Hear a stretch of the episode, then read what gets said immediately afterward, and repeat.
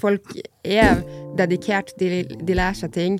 Eh, det er enklere å lære seg ting i dag med internett og måten utstyret har utvikla seg på, så egentlig først og fremst bare være en fin person å jobbe Ja. med.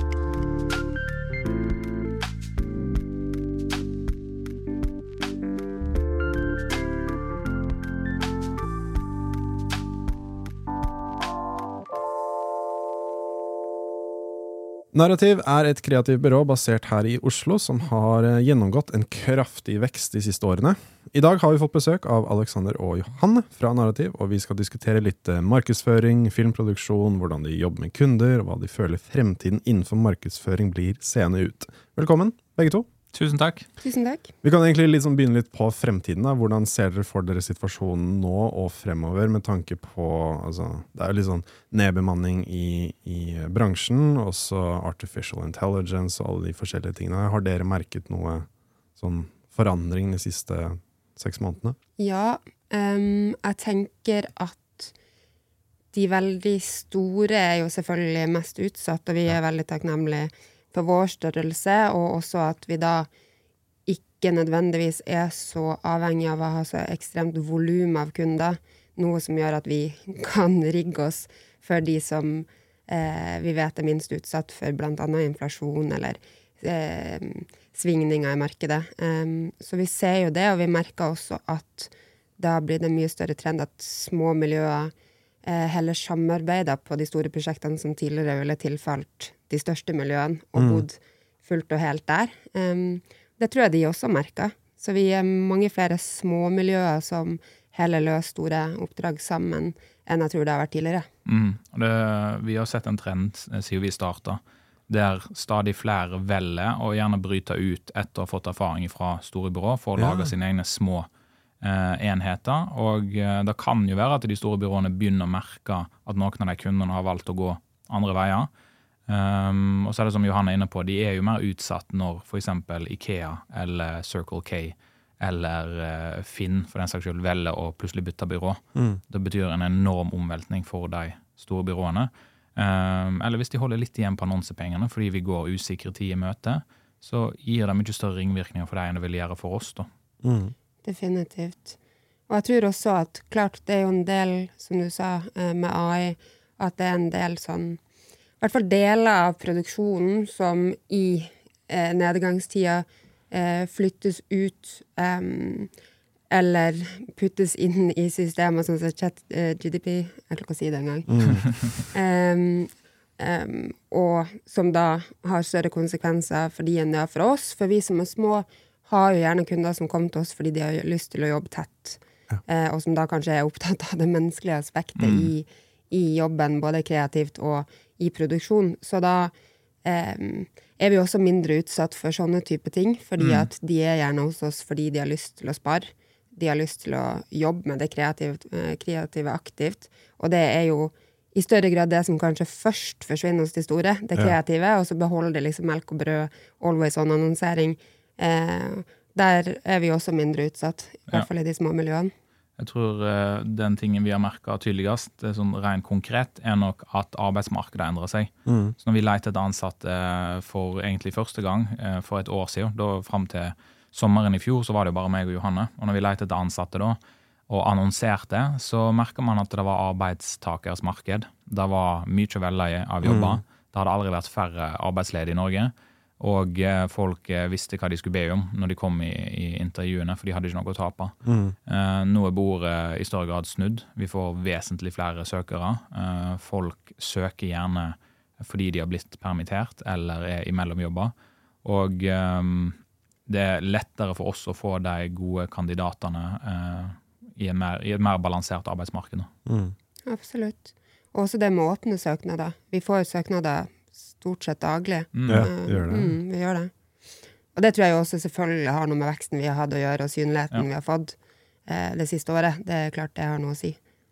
Hva er det man ser etter da, hvis dere skal ansette noen? Så ser dere etter på en måte at ok, dere gikk jo fra å være et produksjonsselskap, Mm. produksjonsselskap som het Liten Film, var det det det het? Ja. Mm. Til narrativ, til å være mer sånn markedsførings- og gjøre Ja. forskjellig. Ser dere da etter talenter innenfor de feltene dere har lyst til å gå inn i, eller ser dere på en måte etter talenter som liksom, alle har sine spesial, Ja, både. Ja. Um, det er mye allroundere hos oss. Ja, Ja, men fordi hvis man er liten, så må man jo kunne egentlig litt av alt. Definitivt. Vi har jo selvfølgelig på design så jobber de jo veldig spissa, men alle andre hos oss jobber ganske bredt. Og så er det klart, strategi er jo et felt der du må ha en viss kompetanse for å Ja. Det er ikke så lett å freestyle det.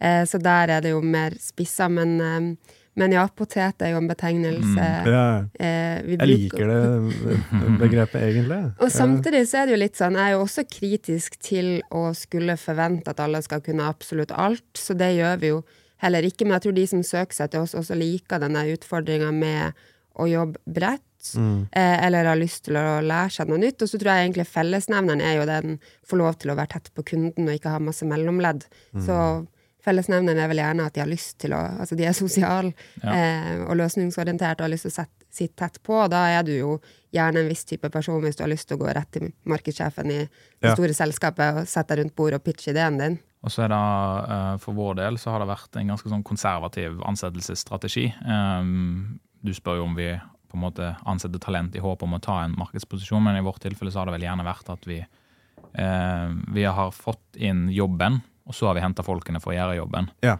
Eh, Så blir det en mellomfase der vi har litt for mye å gjøre på, fordi kunden vil gjerne at vi går i gang med en gang, men så tar det tre måneder før noen sin oppsigelsestid er gått ut i den bedriften de kommer ifra. Um, så til tider så har det vært ekstremt hektisk, men samtidig så har vi vært veldig konservative. Og det betyr òg at vi har hatt en sunn økonomi hele veien igjennom. Og vi har ikke tatt opp masse lån for å finansiere veksten vår. Um, jeg tror det passer oss veldig fint. Ja, det tror jeg absolutt. Og så har vi jo hele tida hatt flinke frilansvenner rundt oss vi har kunnet knagge oss på. Så når vi sier Altså, det er mye vi to har stått i, og, og det var lite helger en lang periode. Eh, og lange døgn. Men, men vi har jo hatt flinke folk, og så har vi også brukt mye tid på å bli kjent med andre utfyllende miljøer. Altså, vi kommer aldri eksempel til å ha et svært performance-miljø som bare sitter og jobber med eh, distribusjon, og vi kommer heller aldri til å ha seks utviklere. Men vi har kjempegode venner som vi kaller partnere, da. Ja. Eh, og som vi har testa på prosjekt, masse ulike folk, og så har vi funnet de som på en måte fungerer i symbiose med oss, da. Mm. Fordi det er jo et veldig sosialt miljø, dette her. Liksom sånn, det handler veldig mye om hvem du kjenner. Eh, man, jeg husker sånn på starten, da jeg liksom skulle liksom komme inn i denne bransjen. Sånn, jeg trodde at alle stillinger, alle jobber ble lyst ut et eller annet sted. Nei. På finn.no, sånn, men det er jo ikke sånn i det hele tatt. Nei. Tvert Eh, imot. det er at eh, enten så er det en venn av deg som er for opptatt og anbefaler deg videre, eller så er det en person som har startet en ny jobb i et nytt selskap og vil ha deg med inn der. Eller sånne, ting. Det, bare sånn, det handler om hvem du kjenner veldig mye, da. veldig stor grad. Og så har det jo endret seg også fra at man hadde mye mer sånn her eh, silo-konkurransetankegang. Før, i hvert fall merka jeg veldig, vi som er i et mindre miljø, at det har blitt mye mer sånn åpent, og at liksom, man stoler på at så lenge folk er gjennomsiktige og ærlige og holder seg på sin side av prosjektet, så er det liksom sky's the limit for hvem som kan samarbeide med hverandre. Ja, så er det kanskje litt eh, generasjonsskifte der, da. For vi eh, som eh, relativt unge eh, merker kanskje når vi samarbeider med folk som er generasjonen over oss, Ja. at det er litt mer denne tidlig 2000-talls 'nå må du ikke si hva vi holder på med, fordi da stjeler de ideen vår' tankegang. Mm. Mens vi er mye mer fokusert på eh, samarbeid og åpne kort, og eh, egentlig regner med at folk er ordentlige og oppfører seg ordentlig. At Ja. de ikke stikker rett i kunden din hvis du forteller dem om et prosjekt som kanskje er på vei inn. Mm. Og foreløpig så har det vært eh, gull verdt. Vi har fått masse gode samarbeid. Vi har aldri opplevd at noen genuint har gått inn for å ødelegge for oss. Jeg tror jo veien er gjennom gode samarbeid, spesielt for noen små miljøer som oss. Man må jo virkelig passe seg for det, for det er jo så enkelt når folk prater jo. Mm. Definitivt. Det er så enkelt å ikke bli anbefalt lenger, Absolutt. hvis man gjør sånne ting. Ja, Ja, Det skal, ing- det skal veldig lite til. ja, det skal det. Nei, og det, og det er jo ikke noe hemmelighet at det finnes liksom noen uoffisielle lister eh, der ute. Eh, og i hvert fall eh, når det kommer til arbeidsinnsats, eh, så tror jeg at det, eh, det er lett å, å havne eh, der man ikke vil havne, hvis man kommer inn og, og tar ting for gitt. Ja. Mm. Og det er også en fellesnevner som jeg har skjønt fra flere gjester som har vært der, profesjonelle videografer og fotografer og sånne ting. De sa sånn, én ting er å ha det talentet og den ferdigheten som er eh, etterspurt, som, som kunden trenger. Nummer to er at du må faktisk være en hyggelig person, Mm. som folk det, trives, trives å være med.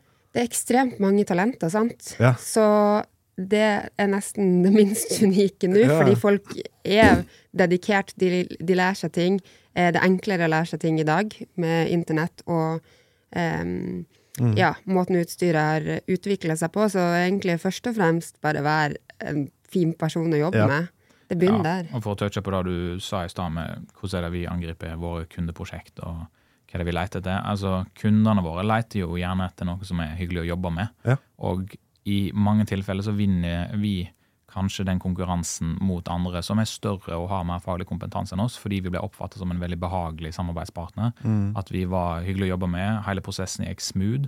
Og ehm, ja, det bare føltes ut som en behagelig opplevelse fra start til slutt. Og, Og at man jo- genuint er opptatt av faget, da. Jeg tror Ja. det er jo uniknessen, og det vi ser etter når vi nå har hatt den veksten vi har hatt, at alle som er på en fast kontrakt hos oss, har vel stort sett liksom kommet gjennom nåløyet på nettopp det. At de genuint bryr seg om faget. Eh, og hele tida Altså lev faget veldig sånn til fingerspissene er oppdatert, fordi det er jo en bransje i vanvittig endring, så hvis du ikke har det genet for, for at du syns dette er det kuleste du kunne holdt på med, og hvis du bare ser på det som en sånn statisk jobb, så, så blir det veldig vanskelig å følge med i timen og så levere på forventningene til kunden. Og vi skal jo være ett hode foran hele tida og fortelle de hva som skjer, og hva som gjelder. Um, og fra at det var kanskje to ting som skjedde i året, liksom endringsmessig, så er det nye algoritmer hver tredje dag, skulle jeg si, å forholde seg til.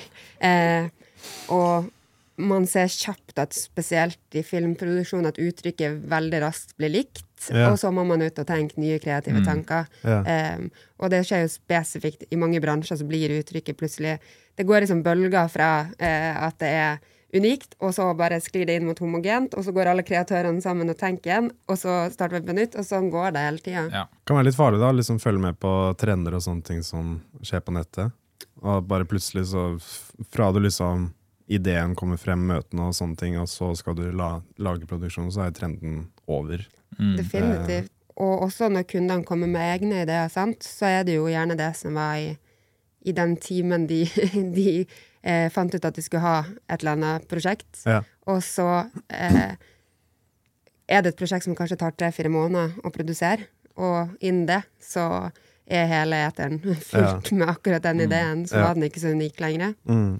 Men der tror jeg vi er heldige med at vi er så tett på, fordi vi får utrolig mye tillit til å utfordre. Mm.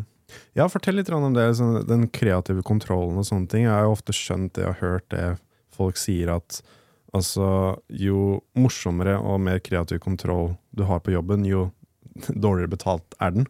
Jeg vet ikke om det er noe sannhet i det. Vi spør du økonomisjefen? Ja, jeg, jeg vet ikke om det er en så direkte sammenheng i, i Nei. det. Jeg tror for de prosjektene som Altså, man når definitivt et tak på budsjett der det ikke har noe å si lenger. Ja. Og jeg tror jo at eh, det handler ikke alltid om morsomhet, men det handler om resultatet. Jo større budsjettet er, desto flere spesialister kan du hente inn, og jo, større, eh, eller jo bedre blir sluttresultatet. Og da tror jeg både vi og kunden er enda mer happy når vi har spytta inn de ekstra pengene i produksjonen. Mm. Men jeg tror ikke nødvendigvis det er sånn at de morsomste prosjektene vi gjør, er de som har lavest budsjett. Jeg tror de morsomste prosjektene vi gjør, er de der vi har en god kjemi med kunden. Ja. Der kunden hører på anbefalingene og gjør det som faktisk er den beste praksisen, i stedet for å prøve å kopiere noe kult en konkurrent har gjort.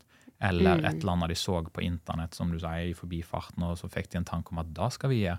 Så hører ikke den tingen hjemme i noen form for strategi eller anbefalt praksis eller hva det Mm. måtte være.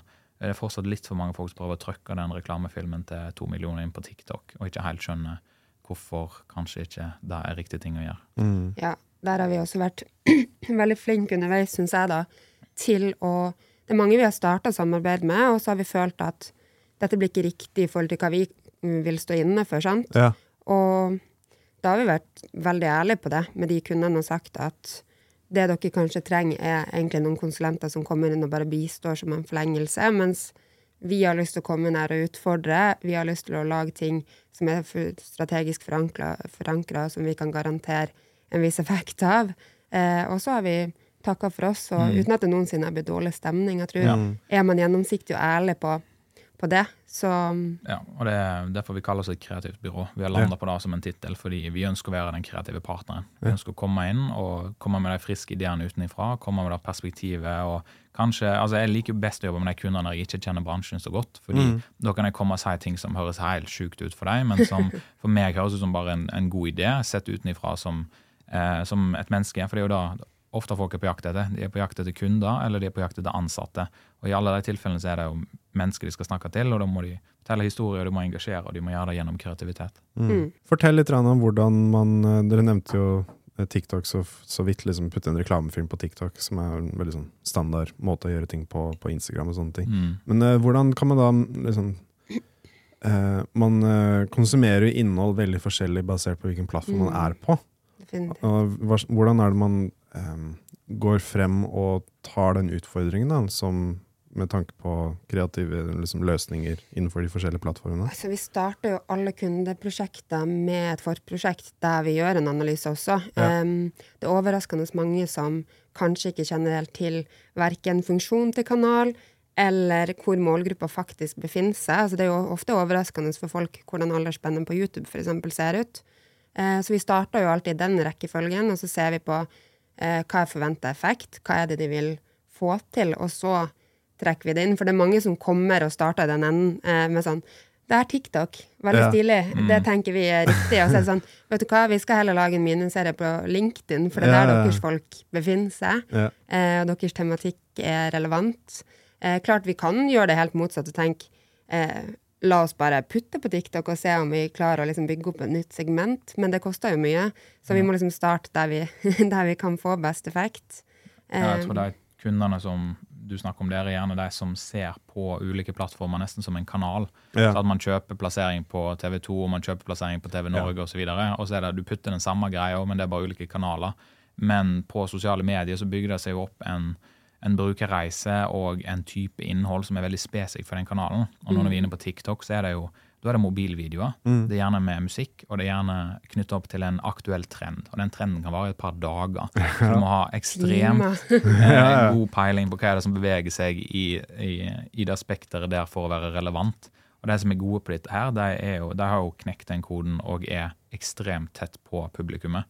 Um, så, så vi skal fortsatt lage den reklamefilmen til to millioner, men da vi skal gjøre i samme kampanjen på TikTok, er å lage en mobilvideo Mm. eh, innenfor samme univers, og da klarer vi helt fint. eh, fordi da respekterer vi de ulike plattformene og hvilken funksjon de har. Og, Ja. eh, Jeg tror dere, sier dere på produksjon, på filmproduksjon, Ja. vi er jo litt sånn delt i to, fordi vi er en gjeng som jobber strategi og innhold eh, på den ene sida, og så er det eh, Gutta Krutt, skulle jeg si, med Alex i spissen, som, som kjører eh, filmen. Det dere har gjort supersuksess med der, er jo nettopp det å hele tida tenke konsepter som har multifunksjon, eh, og at en reklamefilm, i motsetning, går du, og kanskje det er det vi vinner på en del, em, at går du til en av de største, så er det to millioner. Da får du akkurat den filmen, og ferdig snakka, det er ikke noe å diskutere.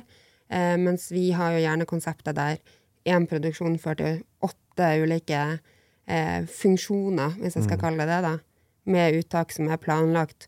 Eh, Alex skriver manus som er både liksom TV-vennlig, men har segmenter som kan trekkes ut i de andre kanalene som er relevante. Mm. Så man får for to millioner, så får man plutselig innhold til et år istedenfor den ene pulsen som skal gå på rett før EM, eller Ja. mm. Gjør det litt vondt da, når du liksom har alt av kamerautstyr og sånn tilgjengelig, så man legger alt til siden, og så bare ok, nå skal vi bruke mobiltelefonen. Jeg tror nok I starten så var det veldig sånn. fordi da var det, Det litt rart. eh, Da, jo, jeg tror jo tidligere man er i karrieren, jo mer utstyrsfokusert er man. Ja. Og jo lenger ut i karrieren man kommer, desto mer historie og eh, eh, fortelling Altså man fokuserer mer og mer på manus og alt det som ligger bak utstyret. Mm. Eh, fordi man innser etter hvert at jeg kan ha det feteste kameraet som eksisterer, men hvis jeg har en elendig historie som ikke engasjerer noen, så spiller det ingen rolle. For ingen som kommer til å bry seg om det jeg lager uansett. Um, så etter hvert så er det sånn man kan ha det utrolig gøy med mobilvideo hvis man gjør det på en smart måte, og man ser det får effekt.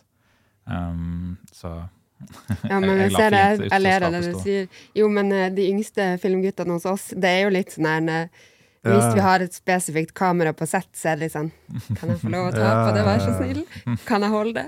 For Men det er, det er en konstant liksom Det ser man på gang på gang. At eh, det kommer veldig an på ja, den, eh, hvor tidlig man er i karrieren. da Mm. Hva de fokuserer på når de går inn på et filmsett eller ser på utstyr. eller noe sånt, Mm. ting, Så er det veldig veldig forskjellig. da Mm. Det er som du sier, De mer profesjonelle de bryr seg egentlig ikke noe særlig om det. Nei. Mens studenten er mer på liksom Ok, hva kan, jeg, hva kan dette kameraet gjøre for meg? Og liksom, Istedenfor å tenke mye mer utstyr. Mm. Ja, men man slutter jo aldri å bli sånn. Vi hadde nettopp en shoot der fotografen hadde liksom det beste og det beste Leica-kameraet, og det er jo veldig veldig gøy å gå inn og zoome Ja, på ja, skjermen Ja. og stå der på shoot og bare sånn. Mhm. det, det ser bra ut. Det, ja, det er nydelig. Men det er jo ofte de som har det beste utstyret, og som sier at utstyret ikke er så viktig. Ja. Det er, jo veldig enkelt å si når du har tilgang til det beste. Ja. ja, men så er det sånn, skal det uansett kroppes ned til et sånn zoomeformat der, sånn som Instagram, Ja. som uansett kommer til å ødelegge formateringa di, så er det litt sånn den er, jeg tenker at Det må nesten være mer vondt å ha produsert det på det fineste av det fineste, så vite at Ja. Du, har, ikke- du får ikke publisert det. Jeg tror, jeg tror det utstyrsfokuset er, er bra, på en måte, for det er en del av en reise, en utviklingsreise man har som kreativ. Og tilbake til det som vi snakket om med poteter. Mm. Eh, I dag så er det gjerne forventa at du både skal kunne plukke opp et kamera, du skal kunne filme med alle de riktige innstillingene, du skal kunne lyssette det, så skal du kunne ta det med deg tilbake på klipperommet, klippe det eh, og levere til kunden i én og samme stilling. Ja. Eh, da får du ikke til med mindre du veit hva du holder på med, og gjerne hatt den delen av reisen der du har vært innom alt av utstyr og blitt Mm. godt kjent med det. da. Og det er da man ofte kommer frem til at kanskje det mest kostbare kameraet ikke er det beste kameraet for deg Mm, i den reisen der. da. mm, Fordi du har ikke mulighet til å Det er jo ofte at man også skal eh, få plass til alt i en ryggsekk. Du skal ut og reise, du, skal bare, du har bare innsjekket bagasje, og du må ha med deg en laptop, du må ha, ha med deg alle disse forskjellige tingene. da. Og det er bare deg, du har ikke noe assistent, ingenting. Og da kan du ikke rocke opp med et uh, tungt, stort kamera. Mm -mm. Da må du bare ta noe, og så skal du kanskje ta foto også. Skal ta litt bilder i tillegg med samme kamera. Ja. Og da må du bare ha noe som funker til alt. Litt sånn hybridkamera da, istedenfor. Ja, Da nytter det ikke å komme med en eh, Alexa og ei linse på to meter som krever egen person for å pulle fokus. Nei, nei. Det er Nei. dårlig. Men det er fascinerende å se de som, som har som gjør mye av det du sier, da, hvor gode de blir til å utnytte omgivelsene sine. Lys, eh, altså bare alt. Mm. Eh, jeg tror man blir Kanskje det er sunt Eller jeg tror det er veldig sunt, fordi du blir fort mer kreativ. Du blir tvungent kreativ. Ja, det blir det. Og så tror jeg òg det er veldig lite plass i uh, bransjen i dag for folk som um, ikke takler en situasjon der de ikke har tilgang på det største og feteste utstyret. At uh, Hvis de ikke klarer å produsere ting av verdi med det utstyret de har tilgjengelig. For det er fortsatt folk i bransjen som er sånn, de klarer ikke å gjøre noe som helst med mindre de får en Alexa og Mm. den dyreste linsesettet tilgjengelig, og Ja. to personer eh, som Produksjonsbil Ja. med sånn svær ben. og en Ja. egen ditter som skal tømme Ja. minnekortene for deg. Altså, Det er ikke så mange sånne plasser igjen i bransjen. Nei. For kunden forstår det ikke. Nei. Det er Nei. veldig vanskelig å gå inn og selge et prosjekt og si sånn, men vi må faktisk ha 800 000 ekstra fordi vi trenger alle disse detaljene. Og så er det litt Ja. sånn Men dere kan jo gjøre det. Eller Ja, vi har jo noen folk som uansett kommer til å representere oss på Ja. stedet. Ja. Hvorfor kan ikke de bare bistå litt? Bare si hva vi skal gjøre. Ja, okay. Så det er veldig Samantha skal lage sandwicher, så hun kan sikkert bytte minnekort nå. ja, Jo, men faktisk. Litt sånn. Folk er jo veldig løsningsorientert. Ja, liksom, ja, liksom spare de pengene der hvor de kan. Ja, og for, for kunden så er jo det viktigste um, sluttproduktet med liksom kjernetingene som vi har solgt inn. Men, men er det sånn at det er da Jeg føler i hvert fall det at når noen sier at det har blitt eh, flere sånne produksjoner, men det betyr ikke nødvendigvis at det er færre større produksjoner. Det har bare Nei. blitt flere produksjoner totalt. Mm. Så liksom spekteret av hvor mange produksjoner som er ute, har økt veldig, da. Definitivt. Men det er jo også fordi det har skjedd et stort skifte. Altså, jeg er jo veldig glad i sånn tall og fakta og sånn, men når man vet at liksom, i mange tilfeller så er film 60 ganger eh, mer effektivt for eksempel enn andre formater, Ja. um, og det har liksom blitt litt sånn allmennkunnskap også på kundesida. Um, Ja, så tror jeg det ligger tekn en stor teknologisk bit bak. da. Og Det ene er jo at det er blitt flere plattformer, så du trenger flere flater å sende innholdet ditt i. Mm. Den andre er at kamerateknologien har blitt god. Så går du tilbake 15-20 år i tid og skulle lage video, så måtte du ha de store crewene, du måtte ha dritmye utstyr og veldig mye penger. I dag så er det som du er inne på, du kan ha en, eh, kar med en, et kamera og en gimbal som lager utrolig fine eh, produksjoner. Um, Og det er jo fordi at kamerateknologien har blitt så god, Ja. eh, og utstyret bak. da. Så du har både fått flere plasser å putte innholdet ditt, og du har fått flere måter å lage bra innhold på. Og Da tror jeg du opplever at eh, terskelen senkes hele tida, og flere og flere bestiller video. Og for en del selskap som var helt utenkelig at man skulle lage en reklamefilm for 20 år siden, de produserer flere videoer i året nå. Så det er, Mm. Og det at de også skaffer en inhouse-produksjonsperson også. Bare sånn de merker at de produserer så mye forskjellige ting hele tiden at det bare er sånn, egentlig like greit å bare ansette én person som bare Ja. gjør alt. Og det, skjer, det ser jeg oftere og oftere. Sånn, innholdsprodusent er på en måte den nye store rollen som jeg ser overalt. Jo, men absolutt. Med tanke på hvordan kanallandskapet ser ut, og metninga vi har i hodet, og, og hvor mange ganger vi må på en måte treffe nå gjennom et budskap, så er det jo liksom sånn rent statistisk så må du være til stede i, i seks til åtte kanaler, gjerne med innholdet ditt, eh, for å skape eh, og oppnå effekt og vekst. Eh, og da er det klart, det blir en viktig rolle, og så som kan drive dag-til-dag-driften og sørge for at det bare pumpes ut innhold. Og så har du gjerne miljøer på utsida da, som eh, gjør de topproduksjonene, hvis jeg skal kalle det det. Og ikke at det betyr at det er superkvalitet, men at det er de tankene som skal tenkes annerledes enn det som er det vi kaller always on. da. Eh, og når du vet at det er seks til åtte kanaler minimum, gjerne tolv, eh, flata i hvert fall, mediemiksen, eh, så skal det lages mye. Det er jo veldig mange plattformer og kanaler, sosiale medier, apper og sånne ting som man skal være på nå. Men jeg føler også at det er litt sånn farlig å hvile seg på dem også, totalt, da, 100 For eksempel hvis Det er jo flere og flere offentlige, sånn offentlige sektorer nå hvor TikTok ikke er lov til å ha på telefonene, og det skjer jo veldig mange steder nå. Jeg vet ikke om hva dere ser for dere vil være liksom trenden fremover, om kanskje man går litt mer vekk fra noen plattformer eller ikke. Jeg tror det er veldig variert i ulike bransjer. Vi har kunder som er 100% innenfor TikTok, fordi eh, det er ikke så eh, stor risiko i den bransjen de er i. Og så har vi kunder som er veldig tydelige på, og som har tatt et standpunkt internt, at TikTok kommer vi aldri til å eh, publisere innhold på.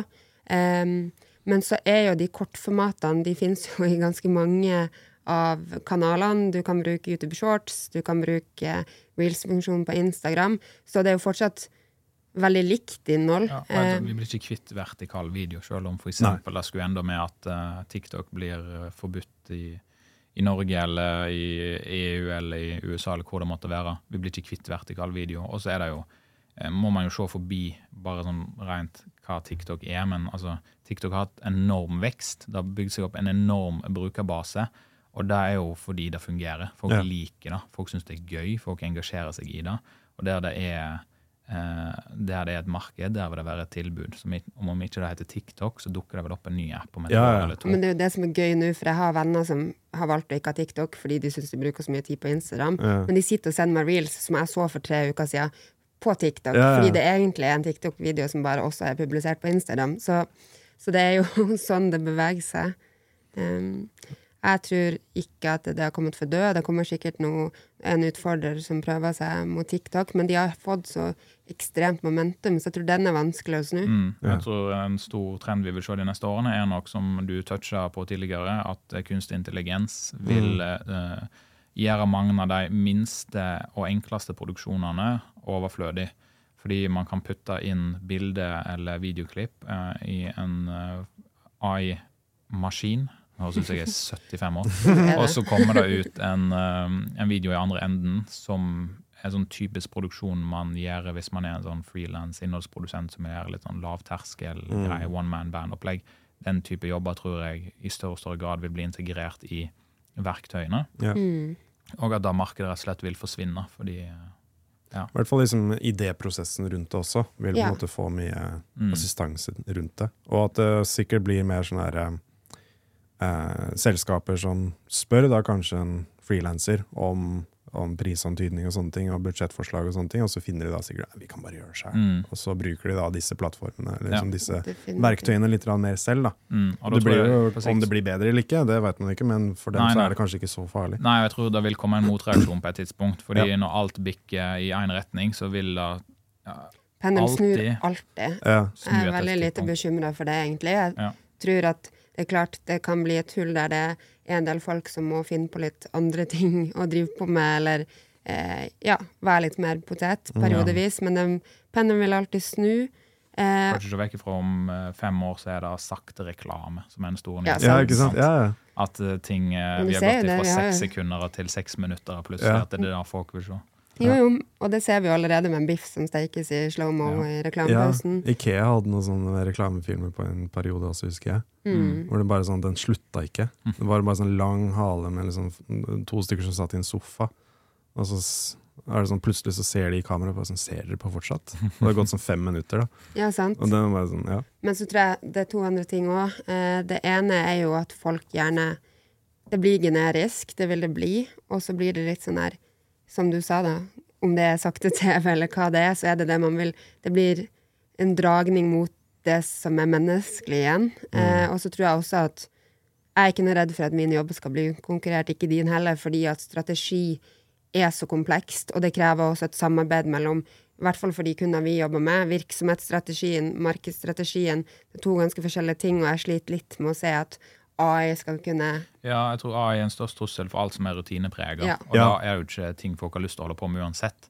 Jeg tror sånn pris-produkt-annonse er veldig utsatt. Eh, Du har et produkt, du har en pris, dette må pushes inn i en motion-annonse som tar 50 sekunder. Mm. Det høres veldig ut som noe en maskin kan gjøre i mine ører.